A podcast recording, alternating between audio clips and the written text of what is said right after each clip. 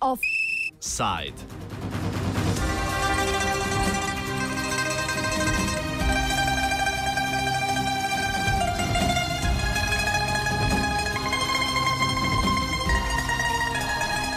Več partije, več države, a ne brez šija.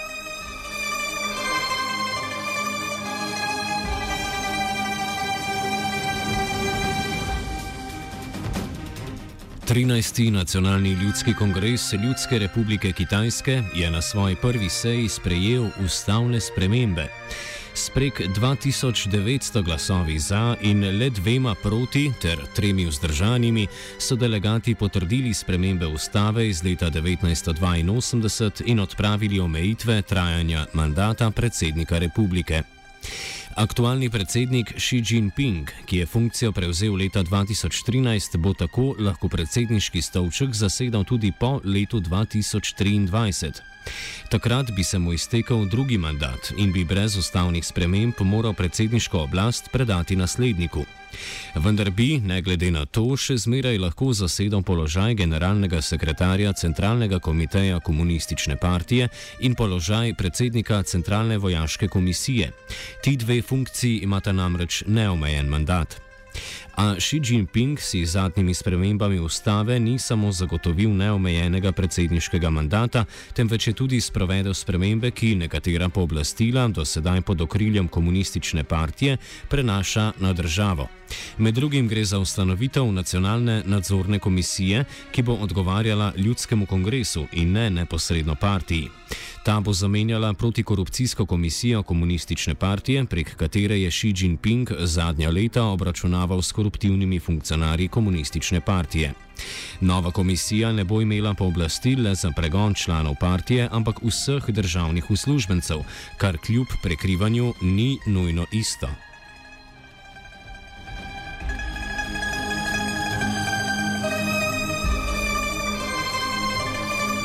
Spremembe kitajske ustave za začetek povzame Salvatore Babons, raziskovalec kitajske z fakultete za humanistiko in družbene vede na univerzi v Sydneyju. China's National People's Congress approved uh, several changes to the constitution on Sunday. Uh, as I understand it, they were approved as a single set of changes to the constitution. Uh, it's not an amendment process like we might expect in a Western country. Uh, instead, it's a you know, package of constitutional changes that were approved in a single vote. Uh, again, as I understand it, there were only two votes against out of a uh, couple thousand members of the National People's Congress. Um, the one that received all the attention, the change to the Constitution that received all the attention, was the removal of term limits for the president and vice president of the People's Republic of China. So previously, the Constitution had a two term limit. Each term is five years. So that would imply a 10 year limit as president or vice president of the People's Republic, of the country itself. The term limits amendment was just part of a series of changes to China's constitution which included uh, several small uh, amendments, uh, things about enshrining Xi Jinping thought into uh, the Constitution without defining what Xi Jinping thought is. It's now part of the Constitution nonetheless. Um, but also, I think more importantly, uh, the Constitution was changed to make the Communist Party itself the legal representative, if you will, of the Chinese people. Uh, that is, previously the Communist Party had only been mentioned in the preamble of the Constitution as you know, a great organization that led to the foundation of the People's Republic. Now, the Communist Party is recognized in the Constitution itself as the guiding political force of the People's Republic of China.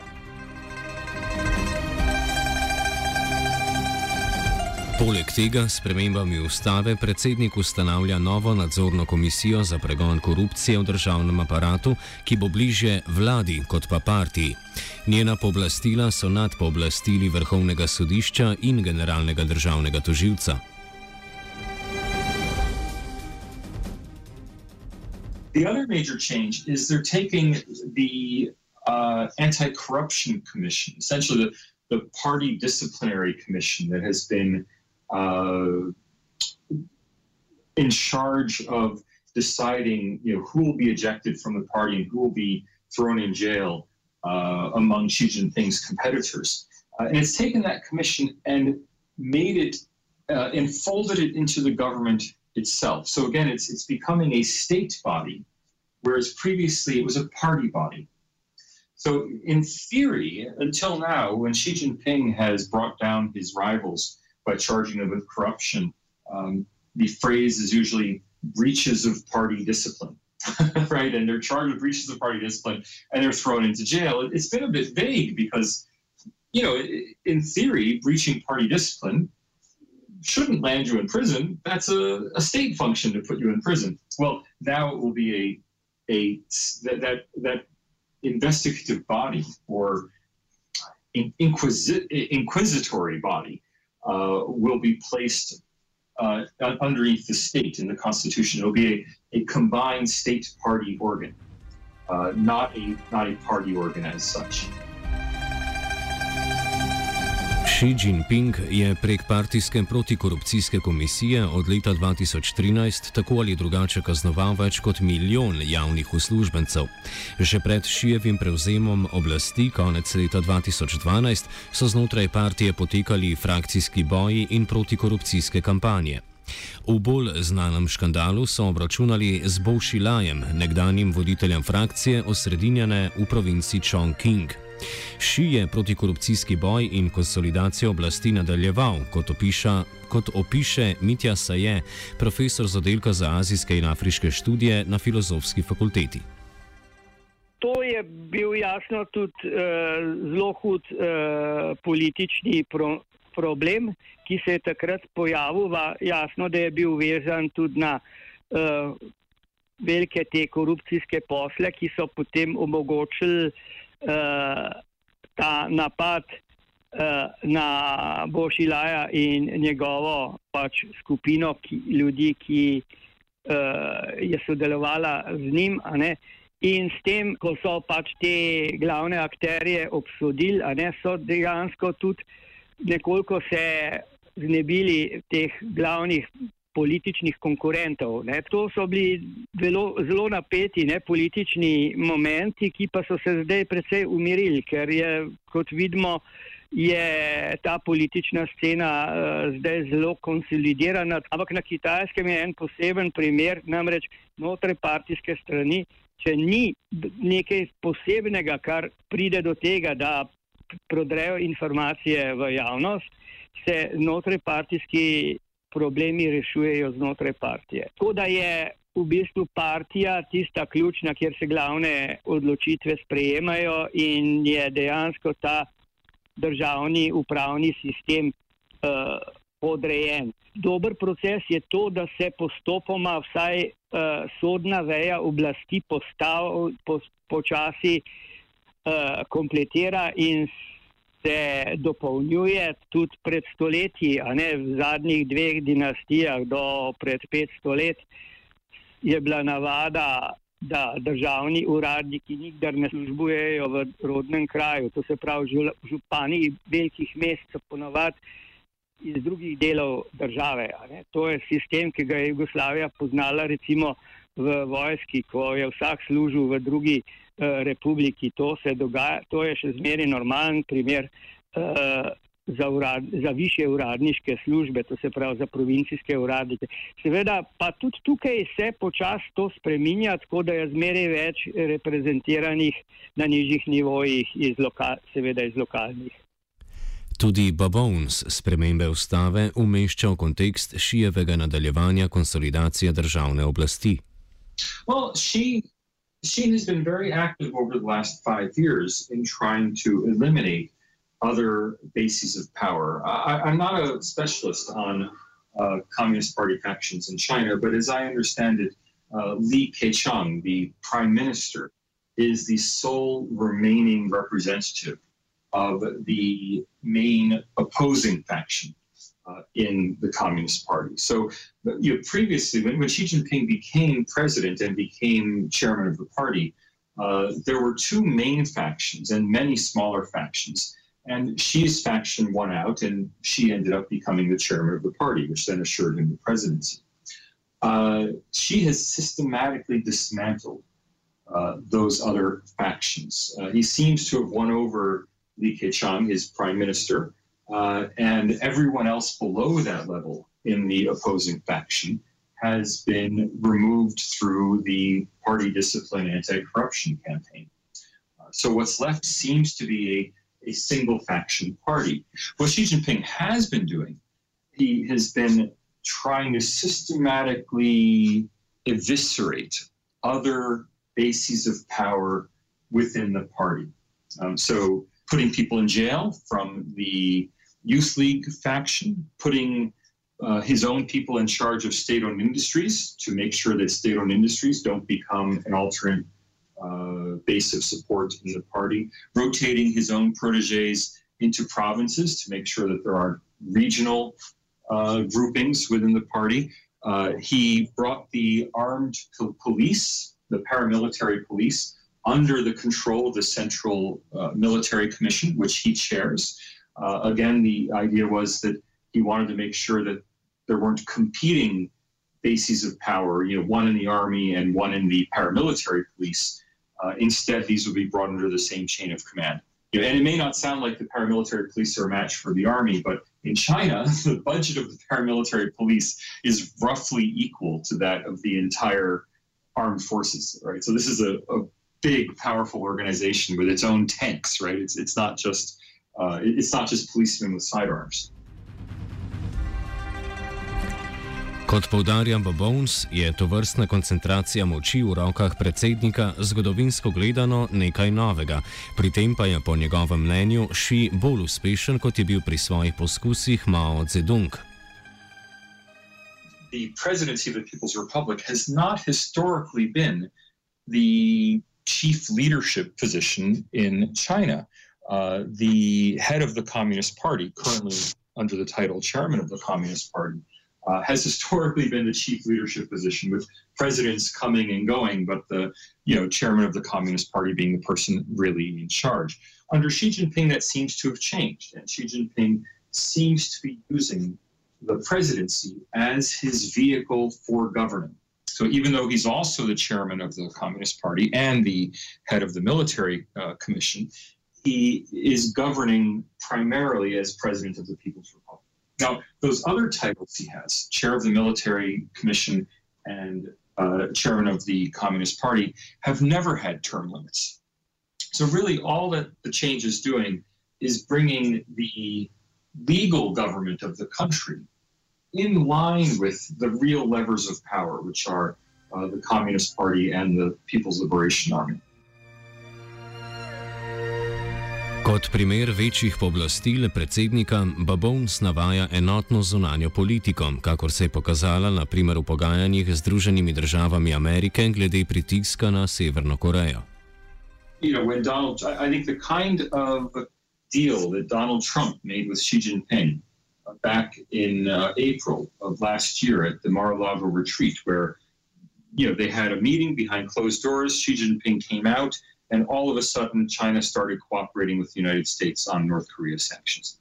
I think that kind of personal decision making and then the government responding uh, from top to bottom, the whole government responding to what the president says, uh, that is something that probably would not have been possible under previous Chinese leaders. Previous Chinese leaders might have come to meet with Donald Trump and then had to go back to China and have three months of discussions before they could uh, enact a, a, real coherent policy. You know, the president or chairman of the party may have had one foreign policy, but that didn't mean everyone below him shared his foreign policy.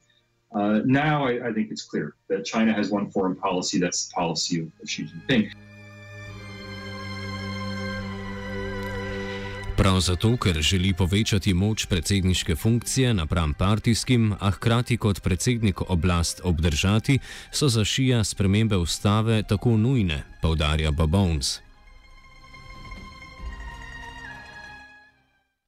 I mean, the 1982 constitution was put in place by Deng Xiaoping to be to guide China into the uh, post-Mao era and to set up China in the 21st century.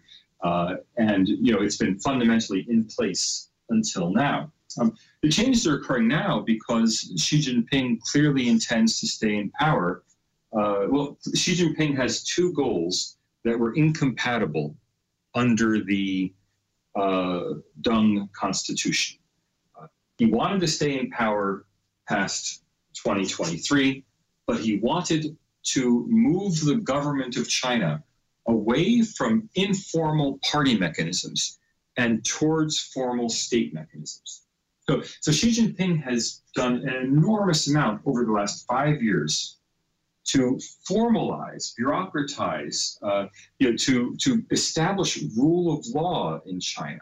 Not rule of law as you and I might understand it, but, but rule of law in the sense that the state runs the state instead of the state being window dressing for informal deals being done by the party. So Xi Jinping really has made the Chinese state an effective state. Če bi Ši nameraval kmalo zapustiti predsedniški stolček, bi lansko leto nominiral možne naslednike, a tega ni storil. If he moves the real source of power away from the chairmanship of the Communist Party and into the presidency of the People's Republic of China, well, then he has the problem that the presidency has a two-term limit, and you know, and this was his conundrum: was that he wanted the state to be the center of power in China. I think that was a correct decision that he made. It, it, results in more efficient decision making, greater predictability, greater rule of law. It's it's the right way forward for China. But once he does that, either he had to give up power in 2023. Uh, you know, or he had to change the constitution. And his answer was to change the constitution. Uh, and certainly he's not alone. You, you, know, despots all around the world, from Russia to Latin America, you know, to Africa, have changed the constitution to allow themselves to stay in power. He understands that uh, even though it's controversial now, within five years, everyone will have gotten used to it. It, it won't be news anymore five years from now. And so, you know, better to do it now than to wait five years and then push it through just when he's about to leave office. And, and his hand was really forced. I mean, he had to make the change now because he has not nominated a successor. Uh, on past precedent, if Xi Jinping was going to give up power after two terms, he should have nominated his successor after one term. so that, or at least a, a series of possible successors after one term. And you know, when Xi Jinping last year uh, did not nominate any likely successors, did, didn't promote anybody uh, into the Politburo who might take over after he left, that opened the question: Well, who, you know, what's he going to do? And the answer was uh, he's going to stay in power himself. Po mnenju Babonsa so delno že vidne posledice okrepljene birokracije kitajske države, ki bodo v prihodnje še bolj izrazite. So, so every, everywhere in China, every province, every district has two leaders a, a uh, official state bureaucrat, the governor, uh, and then an unofficial you know, party ruler, the party secretary, whether that's a province or a prefecture or a city everyone has a governor or a mayor and also a party secretary. So the same thing's true in a corporation. A state-owned corporation has a CEO and a party secretary. Uh, well, Xi Jinping has been really pushing to move the chain of command from that informal chain. You know, the party chairman tells the party secretary what he wants, and, and it's almost always he in China, what he wants the party secretary to do um, who then whispers in the ear of the governor, uh, party wants you to do this. You know, so, so instead of having the real power being in the party hierarchy and the governors and mayors simply be figureheads, he's shifting that around so that the real power is in the state figures, with the party simply nominating the state leaders. So in the past, it would always have been more prestigious to be the party secretary of a province than to be the governor of a province. I think that's changing, and that in the future, within five years from now, uh, certainly within 10 or 20 years from now, the prestigious position will be the state position, and the party secretary will be secondary. Right? At least that's Xi Jinping's goal. You know, that's what you know. He's been very uh, attentive to enforcing the rule of law in China. It's about shifting the locus of the chain of command and the locus of power from party structures to state structures. But at the same time, he has to make sure the party stays in charge of the state. And that's why the party has been enshrined into the Constitution. You know, that's why he's not letting there be competing parties. All right. So he he he wants to make sure the party stays in charge.